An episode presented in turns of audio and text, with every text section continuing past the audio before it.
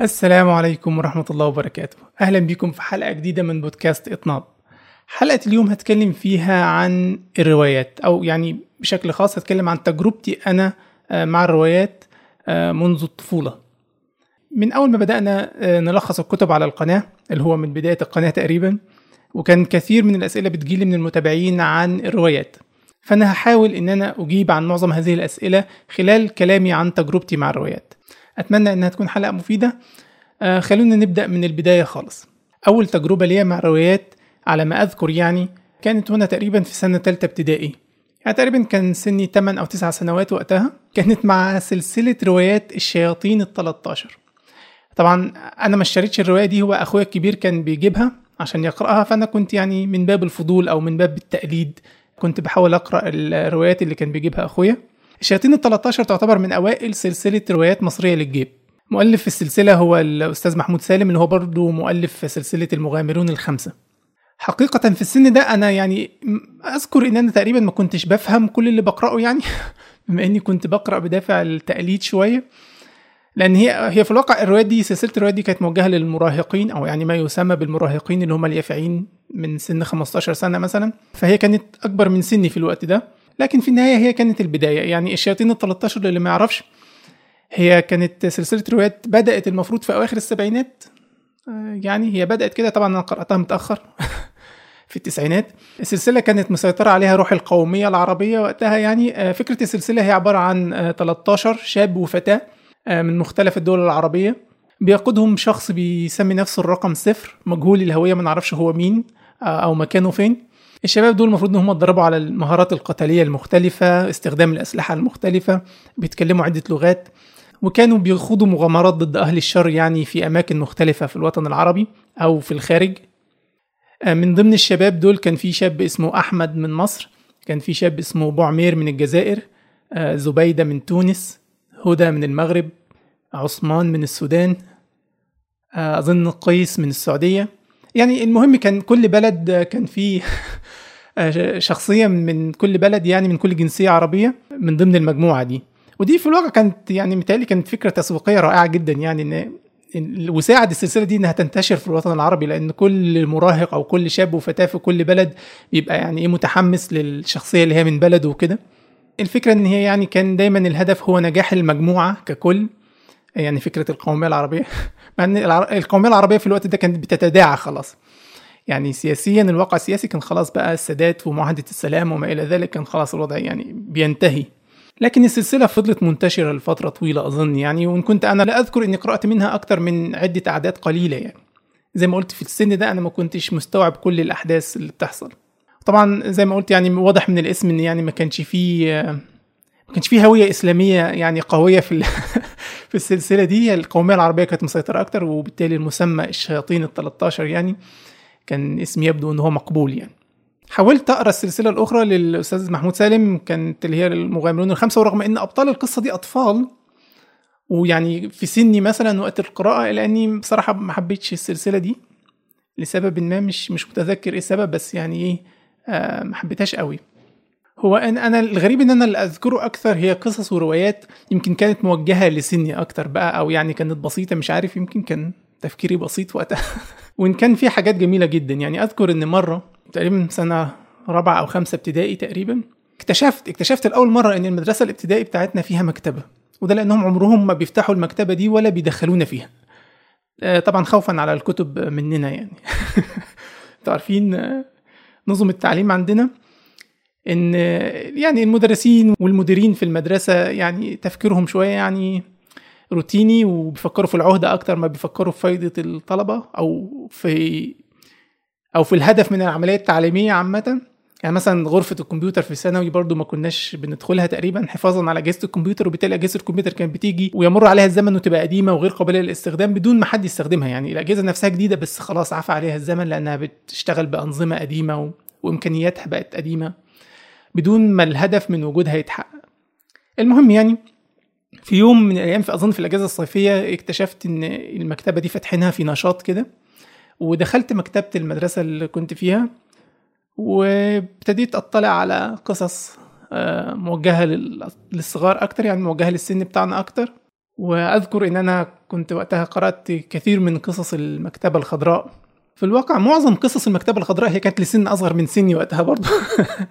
يعني كانت بسيطة قوي فكان الواحد بيقرأ مثلا 10 20 قصة في في القعدة مثلا. بس أذكر مرة وجدت قصة في الواقع أنا مش عارف هي تبع المكتبة الخضراء ولا لأ. قصة غريبة جدا. قصة في منتهى الغرابة في الواقع يعني إن هي حتى تبقى موجهة للصغار. لأن الشر بينتصر فيها في النهاية. فتبقى غريب إنك أول مرة تقرأ قصة الشر بينتصر فيها. بس في الواقع هي فيها حكمة يعني فيها عبرة عظيمة بس ما أظنش إن إحنا في السن ده كنا ممكن ندركها يعني. آه خليني أحكي لكم القصة بسرعة. هي في النهاية قصة قصيرة يعني قصة صغيرة. فخليني أحكي لكم القصة عشان أشارككم الغرابة بتاعت القصة دي. القصة بتحكي عن مدرس مدرس لغة عربية. يعني طلب منه إن هو يروح قرية نائية يعلم أهلها القراءة والكتابة. القرية دي كانت يعني عن بكرة أبيها تجهل القراءة والكتابة. ما فيهاش أي حد يعرف يقرأ ويكتب. وهو كان رايح بشكل أساسي يعلم الأطفال. يعني الأطفال يعلمهم آه، أسس القراءة والكتابة. ففي أول أيامه في تعليم الأطفال لاحظ إن معظم الأطفال اللي بيبقوا جايين يعني الفصل يتعلموا آه، بيبقوا معلقين في رقبتهم حجاب اللي هو المفروض هدفه يعني الحفظ والحماية للأطفال والكلام ده. طبعا ده شيء عادة بيقوم به الدجالين وما إلى ذلك. فقالوا له إن ده حجاب آه، يعني عشان يحميهم عامله واحد في القرية بيسموه الشيخ مش فاكر الاسم بس يعني خلينا نسميه مثلا الشيخ عزوز مثلا. الشيخ عزوز ده هو مش شيخ هو هو دجال يعني. طبعا المدرس قال لهم ده كلام فارغ ده جهل مفيش حاجة اسمها حجاب يحميك والكلام ده ده دجل وما إلى ذلك ودخل في صدام وقال الاكبر الأطفال إن هم يقلعوا الحجابات دي ويرموها يعني. فطبعا الأطفال حكوا الحكاية دي لأهاليهم آه بعد ما رجعوا والقصة وصلت آه للشيخ عزوز أو الدجال عزوز. فبصراحة شخصية عزوز دي شخصية رائعة جدا من ناحية إن هي يعني من أفضل الشخصيات الشريرة اللي ممكن تقرأ عنها في الروايات يعني لأنه اتحرك بسرعة جدا ما انتظرش إن الموضوع يتفاقم ولم يعطي الفرصة للبطل. يعني زي ما معظم الشخصيات الشريرة في الأفلام والروايات بيدوا شخصية للبطل دايما إن هو يهرب أو يفلت أو يديله فرصة تانية. لا الشيخ عزوز كان حاسم. فمجرد ما وصلوا الخبر راح آه، في جماعة من الناس يعني راحوا ناحية الفصل بتاع المدرس ده اللي بيدرس فيه للأطفال وطلب منه الخروج وقال له انت قلت كذا كذا عني ان أنا بعمل مش عارف دجل وان الحجاب ده دجل وما إلى ذلك. فالمدرس قال له أيوه انت واحد دجال بتضحك على الناس بالكلام الفاضي ده آه، والسحر والشعوذة وما إلى ذلك. فالشيخ عزيز قال له طيب آه، أنا هثبت للناس مين فينا العالم ومين فينا الجاهل. وقال له أنا هتحداك في فنك أو في صنعتك يعني اللي هي القراءة والكتابة. آه، فطبعا المدرس استغرب يعني انت أساسا واحد ما بيعرفش يقرأ ويكتب فهتتحداني إزاي؟ فقال له ماشي يعني أنا موافق. يعني اللي هو المدرس وجدها فرصة إن هو مثلا إيه يثبت للناس جهل الدجال ده. فجابوا السبورة أو التخته يعني اللي بيكتبوا عليها من الفصل وطلعوها قدام كل الناس. والشيخ عزوز قال للمدرس إن أنا بتحداك إنك تعرف تكتب كلمة ثعبان. فالمدرس يعني استغرب التحدي التافه ده لكنه مفيش مشكلة خد طباشير وراح كتب على السبورة ثعبان. فالشيخ عزوز بعد كده راح واخد الطباشير وقال أنا كمان هكتب ثعبان ونشوف مين فينا اللي بيكتبها صح. فالشيخ عزوز خد الطباشير ورسم رسمة ثعبان ما كتبش الكلمة رسم الرسمة رسم شكل الثعبان. بعد كده قال للناس احكموا أنتوا مين في دول الثعبان؟ يعني أي الشكلين دول أي الحاجتين دول هي ثعبان. فطبعا أنت بتتكلم على قرية جاهلة عن بكرة أبيها ما حدش فيها بيعرف يقرأ ويكتب والصغار الأطفال كانوا لسه في أيامهم الأولى لسه حتى ما تعلموش الحروف. فالناس طبعا كلها أشارت على رسمة الشيخ عزوز بإن هي دي الثعبان ويعني وقعدوا يهتفوا له ويهتفوا باسمه وما إلى ذلك. وطبعا المدرس ذهل من الخدعة اللي اللي حطوا فيها الشيخ عزوز يعني. وبس كده انتهت القصة. أهل القرية طردوا المدرس ده عشان يعني ما يفسدش أولادهم آه، بأفكاره الغريبة الشريرة. بس والقصة انتهت على كده. كان غريب كان غريب وقتها. طبعا العبرة اللي بتكتشفها لاحقا لما تفكر شوية في القصة هي إن أحيانا الحق بيكون معاك بس أنت لا تحسن عرضه أو لا تحسن الدفاع عنه. القصة دي خلتني في الواقع يعني كنت دايما بفكر في القصة دي أكتر من مرة وأرجع لها أكتر من مرة في دماغي إن هو إيه التصرف الصحيح اللي كان ممكن يعمله المدرس في الموقف ده؟ هل كان ممكن يأخر شوية موضوع التحدي على كلام الشيخ عزوز؟ إن هو ينتظر يعني لما يعلم الأطفال القراءة والكتابة بحيث إن حتى الأطفال وقتها يبقوا في صفه يعني إن هم بيبقوا يعرفوا يقروا ويكتبوا ويعرفوا. بس هو طبعا المدرس ما كانش عارف شكل التحدي اللي هيتحط فيه يعني. بس عموما بتتكلم عن فكرة إن أحيانا التسرع في الصدام التسرع في مواجهة الشر قبل الاستعداد له بشكل كافي آه، ليست فكرة جيدة وممكن تخليك تخسر حتى لو كنت أنت على الحق يعني. بس فدي كانت آه، قصة الشيخ عزوز والثعبان القصة الغريبة اللي قرأتها وأنا في سنة رابعة ابتدائي تقريبا وفضلت عالقة في ذهني فترة طويلة. برضو المكتبة دي اللي فتحوها لنا عدة أيام أو ربما عدة أسابيع والله مش فاكر كنت وجدت فيها قصة مصورة كانت مغامرات تنتان. بعضكم يعرف مغامرات تنتان. وبصراحة ساعتها طبعا عجبتني جدا فكرة المغامرات وفكرة الرسومات خاصة انها كانت ملونة يعني وده كان شيء يعني مش متاح كتير لينا في الوقت ده. أنا بتكلم في الفترة دي ممكن تكون آه، مثلا 94 مثلا سنة 94 95 في الصعيد في محافظة فقيرة جدا وفي مركز فقير فالإمكانيات فعلا ما كانتش متاحة لينا يعني وقتها. بس المهم يعني إن أنا آه، في الفترة دي يمكن مع بقى دخول فترة الإعدادي يمكن كنت مركز أكتر على القصص المصورة كنت بقرأ ميكي جيب أصلا في الواقع في في المدة دي. يمكن ما رجعتش أقرأ تاني روايات مصرية للجيب غير في مع الثانوية العامة مع أولى ثانوي وكده. بدأت أقرأ بقى رجل المستحيل. يعني رجل المستحيل في البداية وأنت في سنة أولى ثانوي يعني إيه بتتقبلها؟ يعني كونك بقى مغامرات والبطل الرائع العظيم اللي ما بيخسرش اللي دايما بينتصر وبقى بطل مصري وما إلى ذلك. وأنت عارف طبعا إحنا كان مزروع فينا حتة القوميه وحب الوطن ده بشكل يعني مبالغ فيه بالأغاني الوطنية وما إلى ذلك وأفلام حرب أكتوبر وما إلى ذلك يعني. فأنت بتشوف بقى البطل المصري بطل المخابرات بيقوم بكل الانتصارات دي فكمراهق يعني بت الحاجات دي بتعجبك بشكل كبير. بس مع الوقت ومع كثرة الروايات رجل المستحيل اللي قرأتها ابتديت أمل بصراحة ابتديت أزهق ابتديت أحس إن آه، في استخفاف بالعقول شوية في الروايات دي يعني بشكل صراحة عجيب. يعني فكرة البطل اللي هو دايما بينتصر اللي هو يملك كم يعني غير منطقي من القدرات والمهارات والقوة وما إلى ذلك. آه يعني ما كانتش مقبولة عقلا بالنسبة لي حسيتها فيها قدر من الاستخفاف. وبعدين للأسف الشديد يعني أنا اكتشفت إن أنا ما بحبش أسلوب دكتور نبيل فاروق. الله يرحمه. آه ويعفو عنه يعني. الدكتور نبيل فاروق أسلوبه أسلوبه فيه مبالغة شديدة. وفي تحس إن هو متأثر جدا بجو أفلام الأكشن الأمريكاني يعني بشدة. كمان كان عنده أنا شايف يعني من وجهة نظري مشكلة كبيرة في الروايات بتاعته إن هو كان دايما بيعقد الأمور أكتر من اللازم بعد كده ما بيعرفش يخرج من التعقيد ده أو من الأزمة اللي صنعها الصراع اللي صنعه ما بيعرفش يخرج منه بشكل سلس بشكل منطقي. دايما بيبقى فيه مبالغة صراحة غير مقبولة ابدا. بالإضافة طبعا زي ما قلت لفكرة الشخص اللي هو البطل اللي هو آه، خارق القدرات ده اللي هو يعني عدد اللغات اللي بيتكلمها آدم صبري عدد الألعاب القتالية اللي بيتقنها عدد الأسلحة اللي بيستخدمها بي يعني بيقود كل أنواع المركبات بيستخدم كل أنواع الأسلحة الثقيلة والخفيفة. مش منطقي ابدا إن شخص يتقن ده. بيفكرني إلى حد ما بشخصية سوبرمان. شخصية سوبرمان شخصية في منتهى السخف منتهى السخف. لأن إيه الصراع اللي هتعمله مع شخصية تقريبا يعني ما بتموتش؟ بتحرك الجبال آه، لدرجة يعني سوبرمان في احدى الروايات آه، يعني بقوته عكس دوران الكرة الأرضية يعني اللي هو شيء في منتهى السخف. طب هو ليه بيقع في باقي المشاكل التانية لو هو بكل القدرات دي يعني؟ آه بعدين كمان لما انت بتصنع شخصية آه فيها كل القدرات دي بيبقى صعب انك تحطه في صراع منطقي ان هو الأزمة هتحصل له إزاي من الأساس يعني؟ أنا أذكر في إحدى روايات رجل المستحيل ده هو كان من ضمن المهارات المتعددة عند أدهم صبري اللي هو رجل المستحيل إن هو بيتقن التنكر بشكل شديد يعني يعني ممكن يتنكر في شكل أخوك وما تعرفوش وتحس إن هو أخوك فعلا يعني ما تعرفش إن ده شخص متنكر في شخصية أخوك ففي إحدى الروايات كان المفروض هو عاوز المفروض يحصل على يسرق حاجة أو يعني يستعيد حاجة جوهرة أو حاجة من متحف عليه حراسة أو ما إلى ذلك وبعدين عمال يحاول محاولات مختلفة. وكده. هو وبعدين أنا فكرت من أول الرواية هو هو ليه ما يتنكرش في زي قائد اللي هو حرس يعني قائد الأمن بتاع المتحف ويروح يدخل وياخد الحاجة ويمشي؟ ليه؟ ما هو بيتقن ده. اللي حصل؟ إن في نهاية الرواية هو ده اللي حصل فعلا. هو بعد ما عمل محاولات تانية شاف إن هي ما نجحتش من باب التطويل بس عشان يبقى فيه رواية تتقري. وفي النهاية برضه راح اتنكر في شكل قائد الحرس وحصل على الحاجة اللي هو كان عاوز يحصل عليها دي.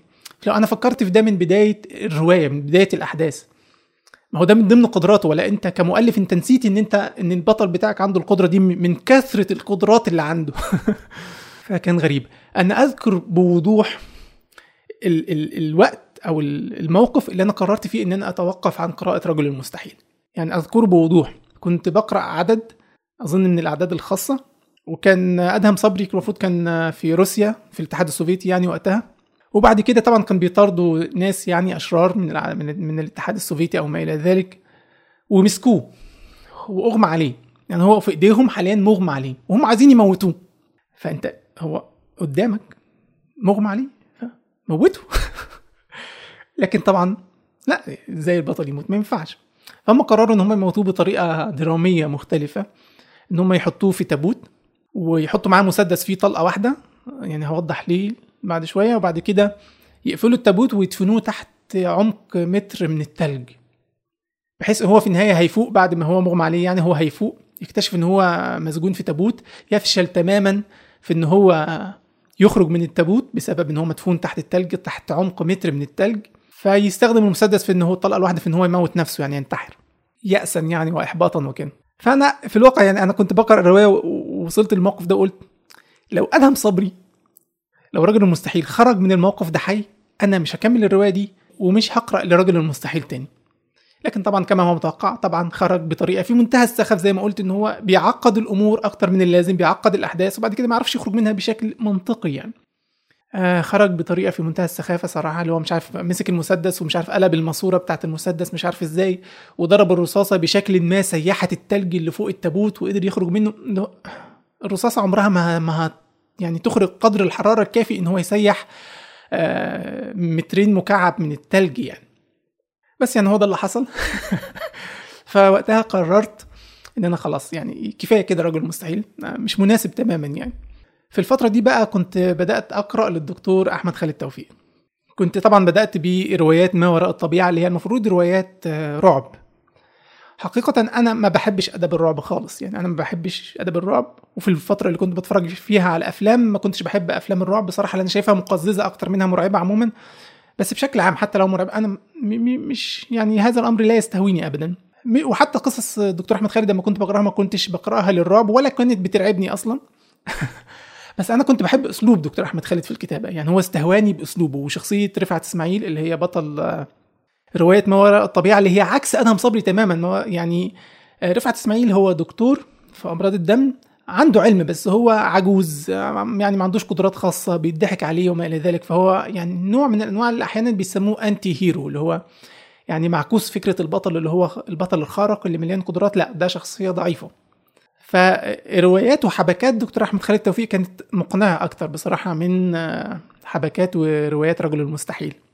كمان مع روايات دكتور أحمد خالد توفيق بتحس إن في معلومات أكتر بتبقى يعني موجودة وسط الرواية بتتعلمها.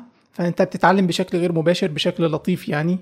طبعا برضو رواية دكتور نبيل الفاروق كان فيها ذلك بس أنا لاحظته أكتر في رواية دكتور أحمد خالد توفيق. طبعا نظرا لعدم حبي لأدب الرعب لاحقا اكتشفت إن دكتور أحمد خالد توفيق عنده سلسلة تانية من روايات اسمها فانتازيا. وحقيقة فانتازيا هي أصبحت السلسلة المفضلة عندي لدكتور أحمد خالد توفيق لأن زي ما قلت أنا ما بحبش أدب الرعب. وفانتازيا كانت بتديك أسلوب دكتور أحمد خالد آه لكن مع قصص متنوعة أكتر وأفكار أفضل من وجهة نظري يعني. آه سلسلة فانتازيا كان بطل القصة فتاة اسمها عبير. كان معاها جهاز كده كان عامله جوزها آه المفروض بيسمح لها إن هي إيه زي ما تقول كده تسافر مش تسافر في الزمن كانت آه تخوض في قصص معينة روايات وأحداث تاريخية وما إلى ذلك إن هي ممكن تت يعني إيه آه حاجة زي أجهزة ال VR حاليا متاحة يعني ال virtual reality اللي بتلبسها على دماغك وتحس إن أنت موجود في مكان تاني يعني. فهي بتستخدم الجهاز ده وبتتواجد بقى ضمن قصة أو رواية معينة هي قريتها أو ضمن أحداث تاريخية كانت قرأت عنها وكده. هي المفروض إن هي بتروح للأحداث اللي هي قرأت عنها قبل كده وهي عارفاها. يعني هي من الآخر هي بتسرح في خيالها يعني. بتعيش خيالها بس بشكل أقرب للواقعية. السلسلة دي كانت رائعة جدا في إن هو يعرفك على حاجات كتير. يعني يعرفك على قصة هتلر مثلا من خلال إن هي شخص البطل أو يعني الشخصية اللي اسمها عبير. تروح تبقى موجودة في وسط الأحداث مع هتلر. قصة حسن الصباح مثلا في قلعة الحشاشين. بعض الروايات بتوديك حاجات أنت بطبيعة الحال ما كنتش هتفكر فيها. يعني في رواية مثلا اسمها شيء من حتى المفروض إن أنت بنتعرف فيها على سيبويه وبعض الشخصيات التاريخية اللي هي يعني كانت قادة في علوم النحو وما إلى ذلك. بالتالي برضو الرواية دي تعرفت فيها على شخصية رائعة جدا ما كنتش عارفها خالص اسمها الخليل بن أحمد. الجميل في فانتازيا إن ما كانش فيه قيود إن إن الموضوع كله متوقف على خيال الفتاة البطلة اللي اسمها عبير. لدرجه إنها في بعض القصص بتدخل أفلام كرتون. يعني راحت قابلت بطوط وما إلى ذلك وبيحاول يحكي لك قصة بطوط. وأقاربه. ويديك معلومات عن ديزني وما إلى ذلك من خلال الرواية من خلال أحداث شيقة ممتعة. كان من ضمن روايات فانتازيا إن هو خلى بطلة القصة تروح تقابل أدهم صبري اللي هو رجل المستحيل. ودي بصراحة كانت رواية رائعة جدا إن الدكتور أحمد خالد كان مش عارف هو بينتقد أو بيسخر بس بشكل لطيف من أسلوب دكتور نبيل فاروق في الكتابة.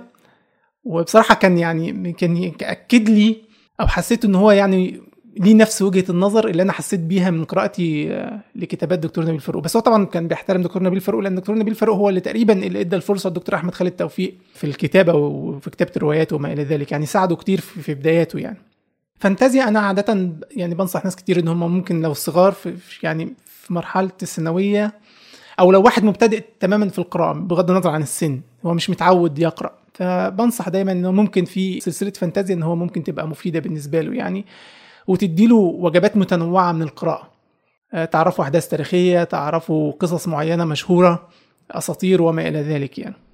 من ضمن السلاسل الأخرى برضو الدكتور أحمد خالد كانت في سلسلة اسمها سفاري كان البطل بتاعها طبيب اسمه علاء عبد العظيم أظن. أصلا يعني توقفت عن قراءة الروايات دي من زمان لأني تقريبا خلصتها مش مش متذكر. بس سفاري برضو ما كانتش مفضلة يمكن كانت ثالث سلسلة مفضلة عندي بعد فانتازيا ما وراء الطبيعة بعد كده سفاري. حسيت إن ممكن سفاري تعجب طلبة الطب أكتر. طبعا الدكتور أحمد خالد توفيق هو طبيب. ومتهيألي شخصية علاء عبد العظيم ممكن تكون أقرب شخصية لشخصية الدكتور أحمد خالد توفيق نفسه يعني. سلسلة سفاري فيها معلومات طبية كويسة جدا وفيها برضو معلومات عن أفريقيا بشكل كبير لأن الطبيب ده كانت معظم مغامراته في أدغال وأوساط أفريقيا وكده يعني. بس زي ما قلت ما كانتش الأفضل بالنسبة لي يعني. في سلسلة أخرى كان اسمها روايات عالمية للجيب. كانت بتصدرها نفس المؤسسة المؤسسة العربية الحديثة اللي هي بتنشر الرجل المستحيل وما وراء الطبيعة وكل الحاجات التانية دي. برضه هي كانت معمولة للجيب.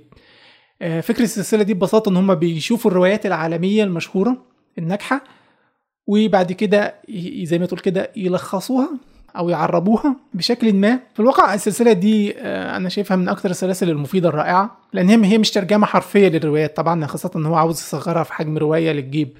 فهي فيها تلخيص وفيها تعديل وتعديل محبب للنفس بالنسبة لي أنا لأن أنا عندي مشكلة مع الروايات المترجمة عامة إن كثير من التراجم للأسف بتترجم ترجمة حرفية. يعني ممكن في أحد ال ال الروايات حد يستخدم مثل إنجليزي. لو ترجمت المثل الإنجليزي ده بالعربي بالنسبة لنا ملوش معنى. فالمفروض إن أنت تبحث عن مثل عربي نفس المعنى وتقوله. ده هيوصل المعنى بشكل أكبر. لكن الترجمة اللي هو ممكن يسموها الأمانة الأدبية يعني بتتطلب إنك تترجم الحاجات يعني إيه زي ما هي بالظبط. في الواقع دكتور أحمد خالد توفيق قال هنا حاجة مهمة قال إن مو... روايات عالمية للجيب دي ناس كتير هتعتبرها جريمة أدبية. إنك تاخد رواية أجنبية وتحاول تلخصها وتحاول تعمل بعض التعديلات فيها عشان تبقى مفهومة أكتر للشباب عندنا. آه كثير من الناس هيعتبر ده جريمة أدبية. آه لكن أنا شايف إن الفايدة هنا أكتر وأسهل للنفس وأسهل للشباب إن هم يقرأوا النسخة الصغيرة دي. وبتوصلك نفس القصة ونفس الرواية تقريبا يعني. لأن في النهاية الشاب ده يعني ما هوش هيشتغل ناقد أدبي يعني. هو ما هيروحش يقرأ الملخص ده أو الرواية العالمية للجيب دي. وبعد كده يروح كاتب مقال نقدي في الرواية مثلا. أكيد لأ. ف متهيألي صادر فيها أكتر من 80 عدد روايات عالمية للجيب متهيألي برضو أن دكتور نبيل فاروق هو اللي عمل أول الأعداد. ممكن يكون ست أو سبع أعداد ترجمهم أو عربهم. لكن بعد كده دكتور أحمد خالد توفيق هو اللي كمل السلسلة كلها أظن. فدي برضو سلسلة كويسة جدا إنك وسيلة لو أنت مالكش نفس تطلع على الروايات العالمية الضخمة الكبيرة. ممكن تاخد فكرة عنها لو قرأت النسخة العربية للجيب اللي كانت عاملاها المؤسسة العربية الحديثة يعني. هو الحقيقة الدكتور نبيل فاروق والدكتور أحمد خالد توفيق يعني برضو بشكل عام هم مشاركين في حتة غزارة الإنتاج. إن هم كانوا يعني دكتور نبيل فاروق أظن يعني مؤلف أكتر من 500 رواية أظن ممكن يقترب من 600 رواية. لأنه كان عنده عدة سلاسل ضخمة كتيرة جدا بيكتب فيها. بصراحة مش عارف كان بيكتب كل الحاجات دي إزاي يعني. ده كان بيكتب أحيانا في سلسلة اسمها ظهور اللي هي سلسلة رومانسية. مش عارف إذا كانت موجهة للفتيات تحديدا ولا يعني بس هي سلسلة رومانسية يعني. كتب فيها بعض الأعداد. ما أظنش إن هو كملها للنهاية بس كتب فيها كمية أعداد. كان طبعا عنده سلسلة أخرى مشهورة اسمها ملف المستقبل. كانت خيال علمي يعني وكده. وكانت يعني بصراحة اكليشيهات أفلام الخيال العلمي الأمريكية يعني. بس بدل ما الكائنات الفضائية كانت بتنزل في أمريكا في الأفلام الأمريكية عندنا إحنا بتنزل في مصر. واحدة من الحاجات اللي أظن اللي كانت بتميز دكتور أحمد خالد توفيق هو إن هو كان بيجرب حاجات جديدة كتيرة. آه في الواقع هقول لكم معلومة غريبة يمكن أظن معظمكم ما يعرفهاش. وهو إن أنا شاركت في عمل أدبي مع دكتور أحمد خالد توفيق. آه في اواخر في 2005 2006 تقريبا كان في موقع اسمه روايتي. كان محاولة فشلت لاحقا يعني بس الموقع ده كان بيحاول يعمل فكرة إن هو يعني ينشر روايات باشتراك شهري. الناس تدفع اشتراك شهري وتقرأ الروايات دي على الموقع يعني. كانت فكرة سابقة لاوانها اللي هو نفس فكرة الاشتراكات في كل حاجة دلوقتي الاشتراكات في خدمات الأفلام والمسلسلات ومش عارف الفيديوهات وما إلى ذلك يعني الفكرة دي كانت معمولة للروايات بس كانت جت سابقة لأوانها يعني. في الواقع في الوقت ده ما كانش فيه إنترنت سريع في البيوت يعني أنا ما كانش عندي إنترنت سريع في البيت كان ممكن تشتغل على الدايل بس ده يعني عقيم جدا. فلو عاوز إنترنت سريع شوية ما كانش قدامك غير الإنترنت كافيه يعني وقتها. أو أنا إمكانياتي وقتها ما كانتش تسمح إن أنا أشترك في إنترنت سريع مش مش مش متذكر بصراحة. المهم يعني إن موقع روايتي ده دكتور أحمد خالد توفيق عمل فيه فكرة جديدة. قال إن إحنا هن هنألف قصة بالتشارك يعني مع بعض يعني هنشارك بعض في تأليف القصة دي. هو هيكتب الفصل الأول بعد كده المتابعين القراء يحاولوا يكتبوا الفصل الثاني من من القصة دي. ودكتور أحمد خالد توفيق هيختار الأفضل بينها.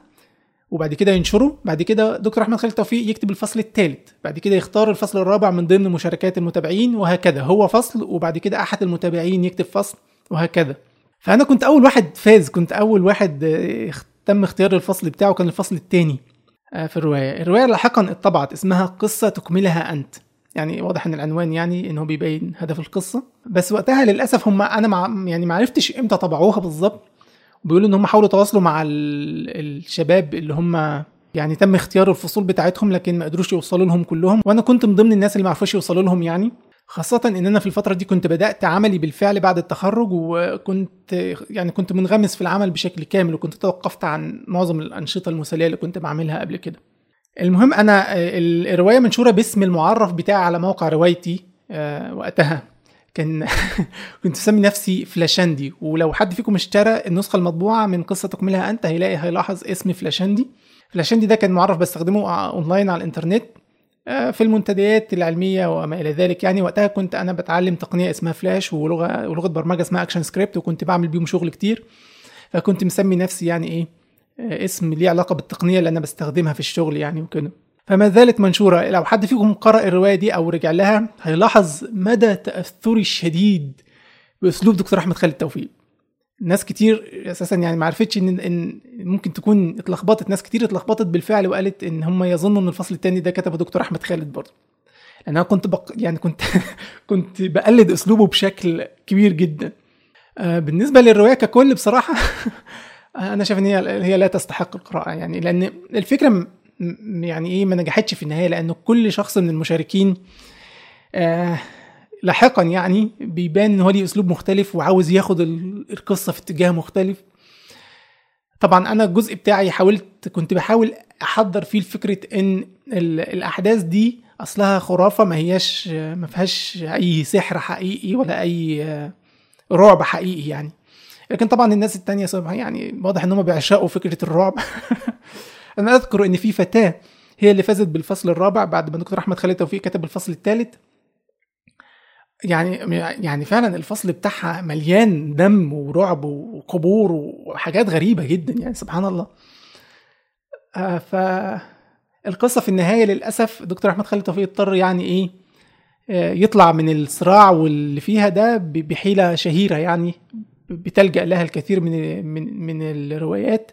اللي عادة بتبقى معبرة عن قلة حيلة المؤلف صراحة ان هو معرفش يقفل الرواية قفلة كويسة فبينتهي بيه إلى الحيلة المعروفة دي. أنا مش عايز أقول الموضوع عشان بس إيه لو حد فيكم كان ناوي يقرأ الرواية بس أنا زي ما قلت لك عشان بس ما أكدبش عليك الرواية ككل مش جميلة يعني لا تستحق القراءة بصراحة. دكتور أحمد خالد توفيق كان كان معروف بحتة التجارب دي إن هو بيجرب حاجات كتير جديدة مختلفة. أذكر برضو إن هو كان أول عدد خاص من ما وراء الطبيعة كان أظن رواية اسمها كهوف دراجوزان كهوف دراجوزان دي كانت كنت تقريبا أنت اللي بتختار مسار البطل كقارئ. يعني هو بيبدأ الرواية عادي بعد كده بيجي في موقف يبقى فيه اختيار أو تحدي. فيقول لك مثلا ولنفرض إن إن البطل يعني وجد نفسه قدام باب فيقول لك يفتح الباب ولا ما يفتحوش. لو لو اخترت إنه يفتح الباب يبقى تروح للصفحة رقم كذا عشان تكمل الرواية بعد ما فتح الباب. لو اخترت ان هو ما يفتحوش يبقى إيه تروح للصفحة كذا أو تكمل قراءة عادي. طبعا الفكرة نفسها دي مش جديدة وأظن إن هي اتعملت في حاجات أجنبية كتير قبل كده بس أنا أول مرة أشوف حد عربي يعملها كان دكتور أحمد خالد توفيق يعني. وكانت فكرة لطيفة قوي يعني. أنا أذكر حتى إن كان في أحد الصفحات في الكتاب مكتوب فيها إيه آه كيف أتيت إلى هنا؟ لا يوجد أي مسار يؤدي إلى هذه الصفحة. من الواضح أنك تتصفح بشكل عشوائي.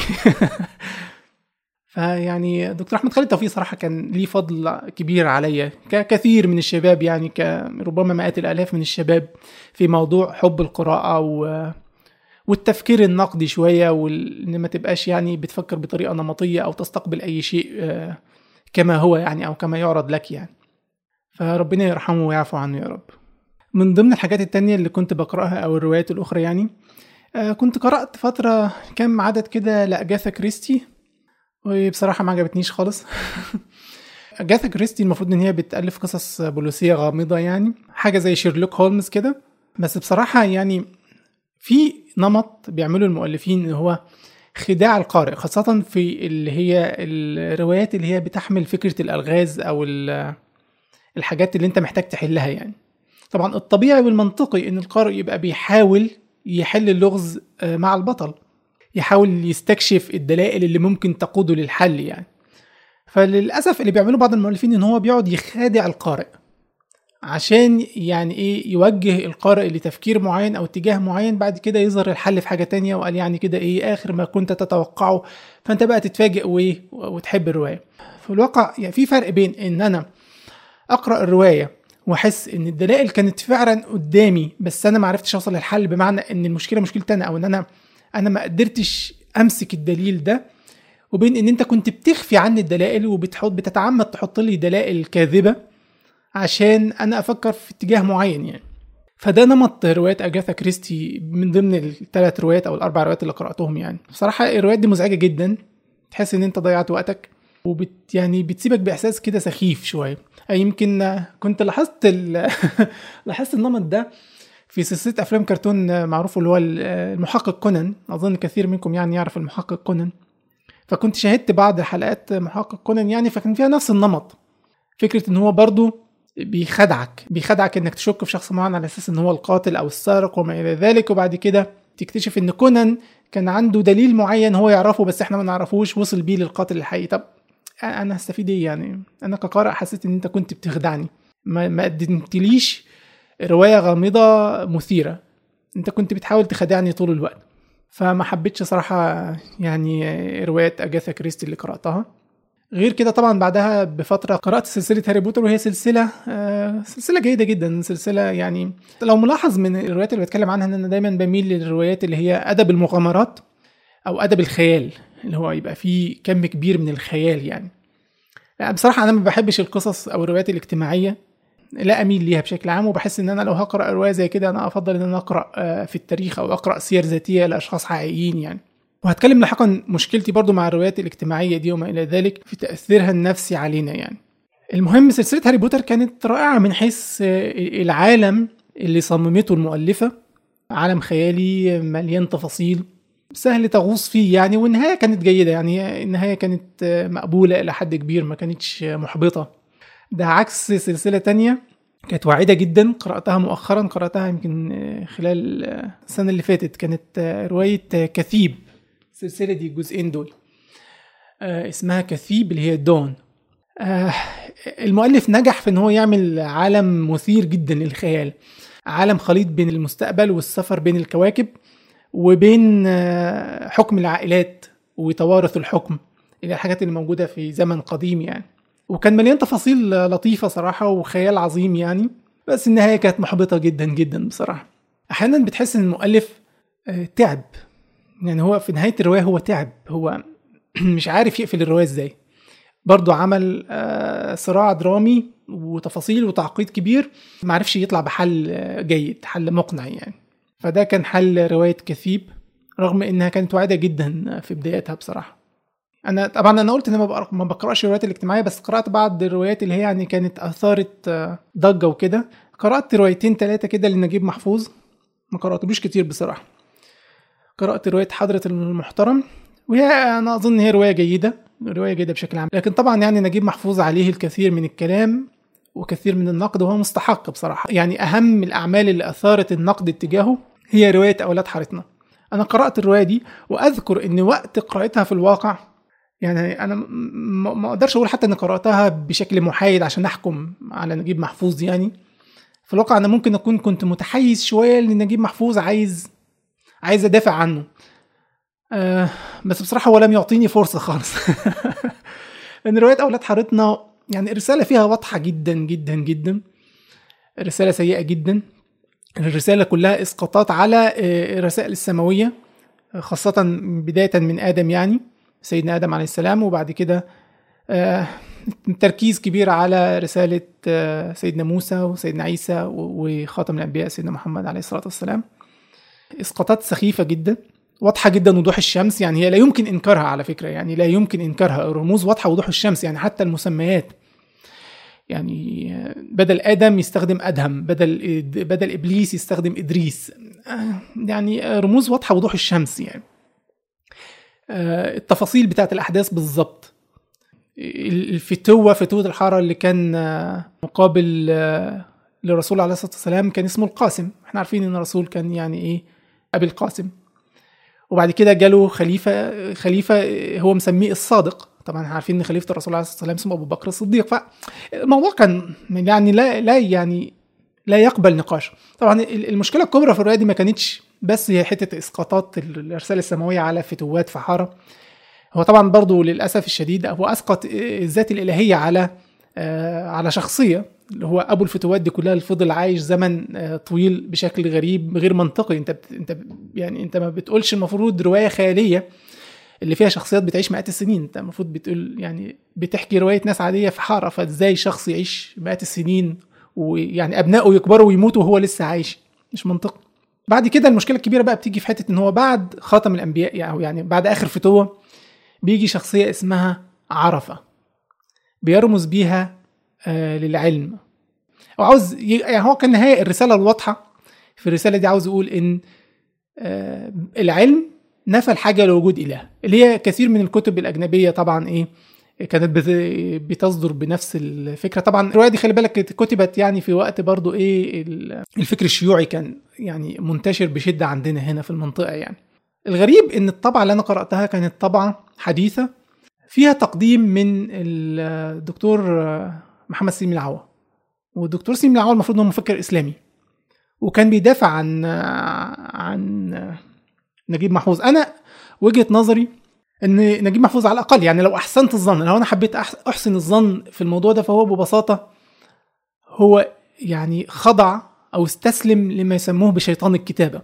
يعني في في في الشعر مثلا برضو بيقولوا في حاجة اسمها شيطان الشعر. شيطان الشعر اللي هو لما شاعر يجي له فكره يعني يألف بيت شعر كده صياغته رائعة جدا بس معناه فاسد. ممكن بيدعو لشيء الشاعر نفسه ما يقبلوش. بس الصياغة والسجع اللي موجود في البيت كان رائع بشكل يعني إيه بي هو حاسس إن هو بيبرز موهبته كشاعر. فيقول لك أنا استجبت لشيطان الشعر يعني ده وحي شيطان الشعر.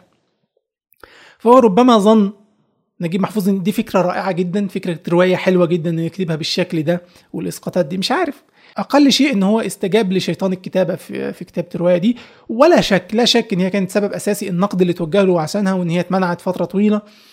كانت سبب في فوزه بجائزة نوبل لأن إحنا زي ما إحنا عارفين إن جائزة نوبل بتمنح يعني إيه للنوع ده من من الأحداث والشخصيات الحاجات اللي تصادم الدين بشكل الحاجات الأدبية بالذات وخاصة في المنطقة بتاعتنا دايما بيختاروا الناس اللي هم إيه يعني بيصادموا عقيدتنا وثقافتنا ويدوهم الجائزة دي. ده كان بالنسبة لروايات نجيب محفوظ يعني ورأيي فيه.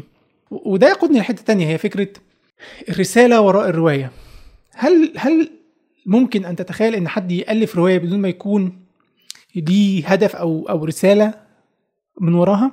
مؤخرا ممكن يعني مؤخرا ممكن لأن بدأ في فكرة الإثارة والتسلية كهدف خاصة الحاجات اللي بتتكتب للسينما عشان تتعمل أفلام أو مسلسلات رغم إن دي برضه بيكون فيها رسالة بس يعني أحيانا بيبقى الهدف الأساسي عندهم هو الإثارة والتسلية مش شرط يكون في رسالة معينة. لكن معظم الروايات الأخرى اللي بيكتبها أدباء لازم هيكون في رسالة ضمن الرواية دي. رسالة المؤلف عاوز يوصلها. مشكلتي بقى مع مع الروايات إن أولا أنت كمؤلف عندك رسالة. طبيعي النقاد بيعتبروه عيب كمان إن الرسالة تبقى واضحة جدا أو إنك تبقى مدي كلمات أو جمل مباشرة في الرواية دي توضح الرسالة اللي أنت عاوزها. يقول لك دايما حاول توصل رسالتك بشكل غير مباشر. بس دي مشكلة لأن لو أنت خليتها بشكل غير مباشر مش كل القراء هيفهموها وسهل جدا قراء كتير يفهموا الرسالة غلط. وناس كتير في الواقع مؤلفين يقول لك والله الروايه أنا عاملها وكل واحد يفهمها بطريقته. ده معنى إن أنت مش مهتم بالرسالة يعني يا إما ما فيش رسالة في روايتك يا إما أنت مش مهتم برساله يعني إزاي أنا مثلا تبقى هدفي؟ يعني بوجه رسالة معينة وبعد كده تبقى غامضة أو مش واضحة قوي وبعد كده أقول كل واحد يفهمها بطريقته. طب ما ممكن الناس تفهم العكس تماما من الرواية. أنت كده يعني الهدف من روايتك الرسالة في روايتك وصلت غلط. إزاي ده ما يفرقش معاك؟ شيء غريب جدا صراحة. طبعا بعضهم اللي بيقولوا كده عادة بتبقى رسالته ما يقدرش يصرح بيها يعني هدفه ورسالته من الروايه آه، صادمة للمجتمع أو يعني بتخالف آه، الدين أو الثقافة الثابتة في المجتمع فمش عاوز يصرح بيها فبيقول كل واحد يفهمها بطريقته. فكرة إنك توصل أفكار معينة بشكل غير مباشر في الرواية هو يعني سلاح ذو حدين. هي للأسف آه الناس الناس هتتقبل كثير من الأفكار من خلال روايه أو مسلسل أو فيلم عن إنك تديهم ال ال الأهداف والحاجات دي بشكل محاضرة. معظم الناس دلوقتي يعني عام عوام الناس بشكل عام حتى من زمان يعني ما عندهمش صبر على العلم. فكرة إن أنا أشوف محاضرة وأتعلم منها عوام الناس مش ده هدفهم. كان دايما الحكايات والقصص والأشعار يعني بتنتشر بين عوام الناس أكتر بكتير من العلوم يعني. وده يعني في عصرنا ده بالذات واضح جدا مدى خطورته. يعني وكلنا شايفين كمية الفساد اللي بيتم تمريره من خلال الأفلام والمسلسلات. إيه المشكلة في كده؟ المشكلة في إنك ممكن تمرر أفكار خاطئة. لو كنت طرحتها على الناس بشكل مباشر واضح ما كانتش هتقبلها بس لو مررتها من خلال سياق درامي معين الناس تقبلها. ده لأن لأن الناس يعني بتقرأ روايات أو بتشوف الأفلام والمسلسلات هي بتبقى بتستقبل الحاجات دي بالعاطفة أكتر بكتير من إن هي بتستقبلها بالعقل. يعني ده مثال بيتكرر كثيرا إنك تجيب شخص عنده مشكلة أخلاقية كبيرة وبعد كده تحطه في وضع المظلوم يعني تحطه في موقف الناس حواليه ظلمته في الرواية وبعد كده تحاول تخليه يبرر أفعاله الخاطئة على أساس إن هو ظلم يعني ماشي هو اتظلم ماشي مفيش مشاكل في ناس حواليه ظلمته بس ده لا يبرر أفعاله الخطا لا يبرر القتل لا يبرر السرقة لا يبرر الافعال الشاذة اللي بيقوم بيها. لكن الناس لما بتستقبل شخصية زي كده وتشوفها وتتعاطف معاها طبعا خاصة مع تأثير طبعا التمثيل الجيد والموسيقى التصويرية الحزينة وما إلى ذلك بتخليك تتعاطف تتعاطف مع شخص ممكن يكون بيقوم بجرائم. يعني آه، كنت بستمع لبودكاست آه، نقطة بيقدمه بشكل أساسي الشيخ عبد الله العجيري وهو بودكاست جميل جدا أنصحكم تتابعوه طبعا مفيد بشكل كبير قوي. كان ذكر أكتر من مرة فيلم الجوكر. فيلم الجوكر هو فيلم حديث فيه شخصية عنده مرض نفسي يعني بس المجتمع كان بيسخر منه بيظلمه لم يصبر عليه ما ساعدوش. فبعد كده الجوكر ده بيتقلب بقى لشخصية شريرة بيدمر ويكسر وما إلى ذلك. فللأسف للأسف معظم الجمهور تعاطف مع الشخص ده مع الشخصية دي لأن أنت قدمتها بشكل هي مظلومة فيه. أنت تعاطفت معاها فترة طويلة فبقيت تقول أنا متفهم. أنت وناس كتير في الواقع دلوقتي تلاقيها على ال social media تكتب تقول لك إيه؟ ما تحكمش على الناس غير أما تشوف حياتهم عملوا لا أنا ما بحكمش على الناس. أنا في أفعال إما إن هي صحيحة أو خاطئة وبنحكم عليها بقواعد واضحة وثابتة القواعد اللي وضعتها لنا الشريعة والدين.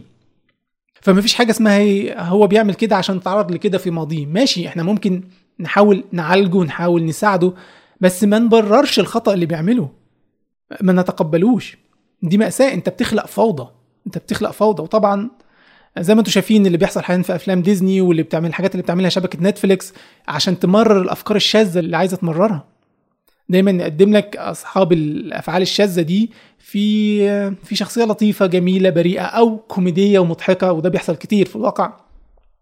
كان في مؤسسة مؤسسة مشهورة كده والله نسيت الاسم كنت كتبت مقال على الفيسبوك عنها اللي هي بتعمل إحصائيات كتير وشافوا إن قبول المجتمع الأمريكي للشواذ زاد بعد ما ظهرت أكتر شخصية شاذة في في في أدوار كوميدية في مسلسلات وأفلام مشهورة. الناس إيه ده؟ ده شوف ده دمه خفيف. إيه ده؟ مش مش وحش قوي زي ما إحنا كنا متخيلين. دمه خفيف بيضحكنا. وصعب جدا إن أنت ترفض شخص بيضحكك. فدي المشكلة. برضو شيخ عبد الله العجيري كان عنده كتاب اسمه من عبث الرواية. يمكن هو مركز فيه على روايات آه، يعني انتشرت آه، أو كتبها سعوديين عن السعودية أو عن يعني شخصيات سعودية زي آه، يعني روايات مش عايز أذكر أسماء. هو بيذكر الأسماء دي وبياخد مقتطفات منها وبيحللها يعني. عايز أوريك إزاي إن أنت الرواية دي بتدي صورة كاذبة جدا عن المجتمع.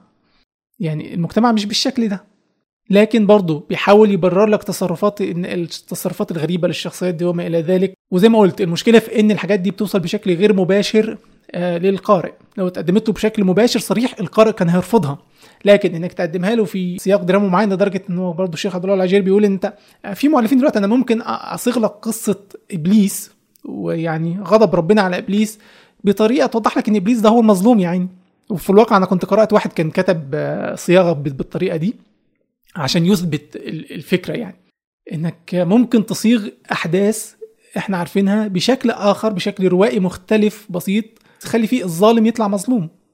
أو يخليك تتعاطف مع الظالم أو يخليك تتعاطف مع الشخص المخطئ ومع الخطأ بتاعه. فبالتالي تبقى. نفسيتك عندها قبول أكبر. خلي بالك إحنا لما بنستقبل المشاعر المشاعر معقدة ومتداخلة. مش زي الأفكار العقلانية اللي ممكن تفصلها واحدة واحدة وتشوف الدليل على كل واحدة فيهم. انت بتقبل باكج مشاعر كده على بعضه يعني إيه؟ مجموعة مشاعر مختلطة ببعض بتتقدم لك من خلال الفيلم وانت بتقبلها على بعض ما بتقدرش تفصلها وتفصصها. ودي مشكلة الروايات وما بني عليها من أفلام ومسلسلات يعني.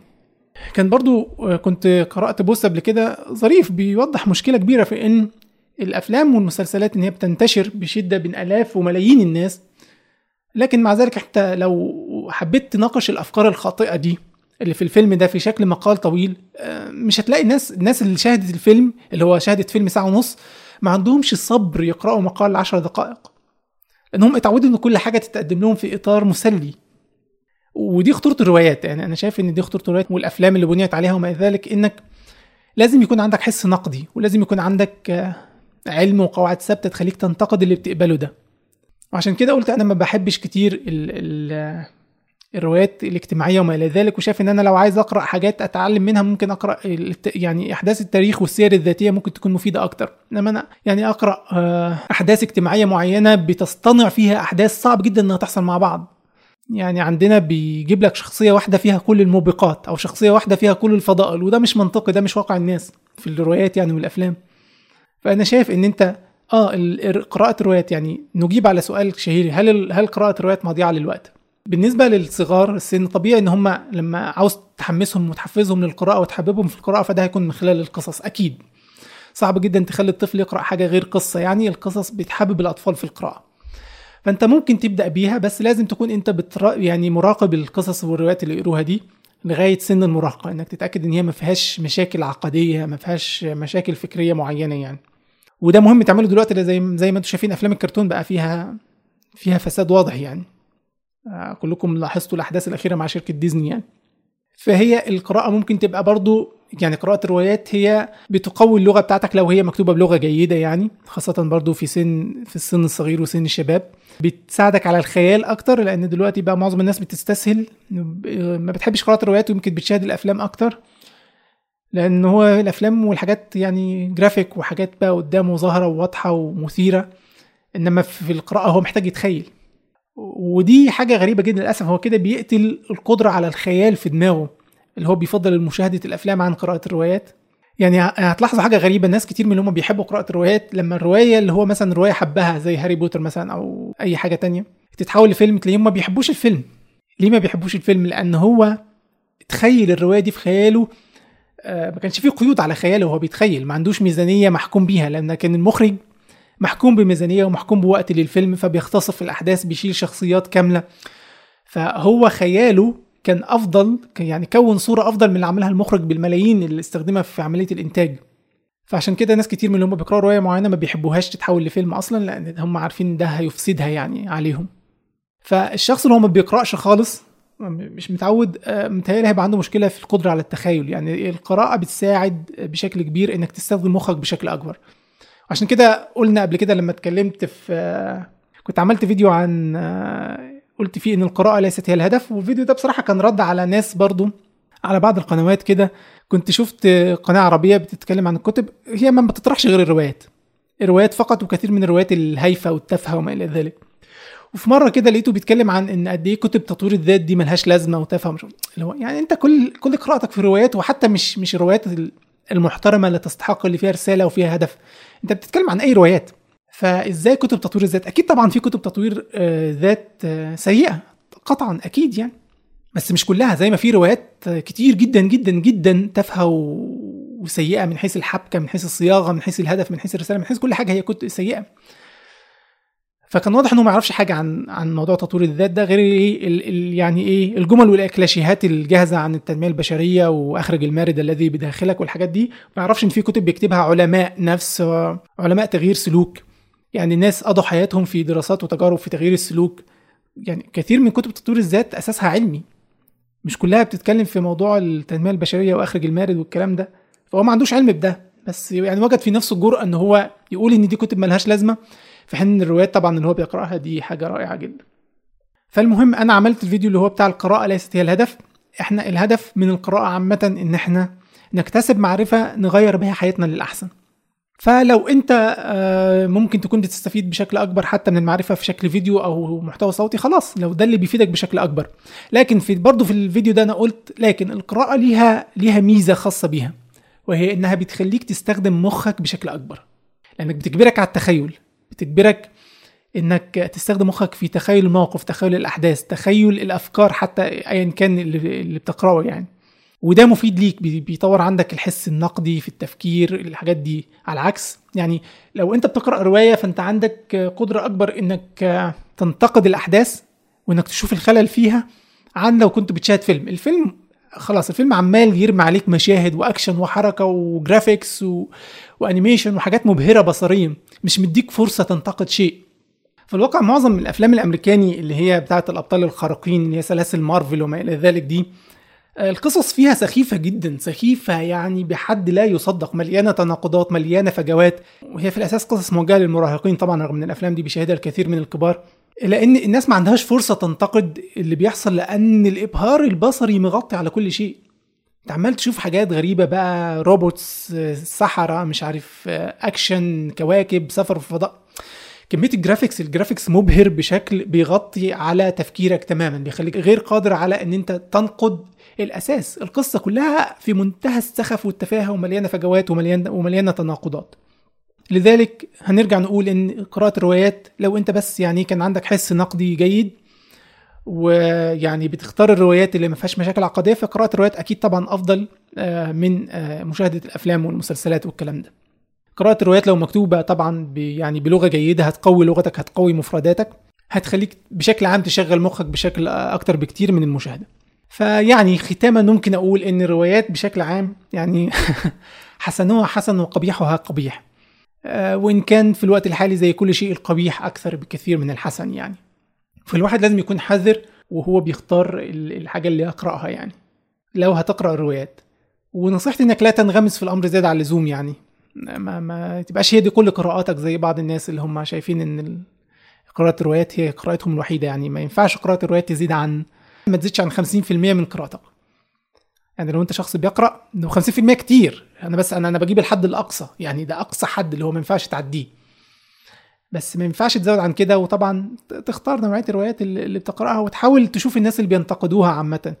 يعني ما تكتفيش. أنا كان نفسي أي طبعا ادبيا الأدباء مش عاجبهم الكلام ده خلاص بس كان نفسي أي رواية صراحة يعني إن المؤلف في نهاية الرواية بعد ما ينتهي من كتابة الرواية يحكي لنا بشكل واضح وصريح كده رسالته من الرواية دي هدفه من الرواية دي عاوز يوصل إيه للقارئ. وبكده والله القارئ اللي ما وصلتلوش الرسالة أو الهدف من خلال قراءه الرواية نفسها. يعني هيقرأ ويعرف وممكن ده حتى يخليه يبتدي ينظر للرواية نظرة مختلفة. ممكن يعيد قراءتها كمان. وفي نفس الوقت ده هيجنب المؤلف إن هو الناس يعني يوصل لها رسالة خطأ من روايته. هو ما كانش يقصدها والمفروض ده شيء يهمه يعني إن الناس توصلها الرسالة الصحيحة. لكن زي ما قلت طبعا آه، بتوع الأدب مش هيعجبهم الكلام ده.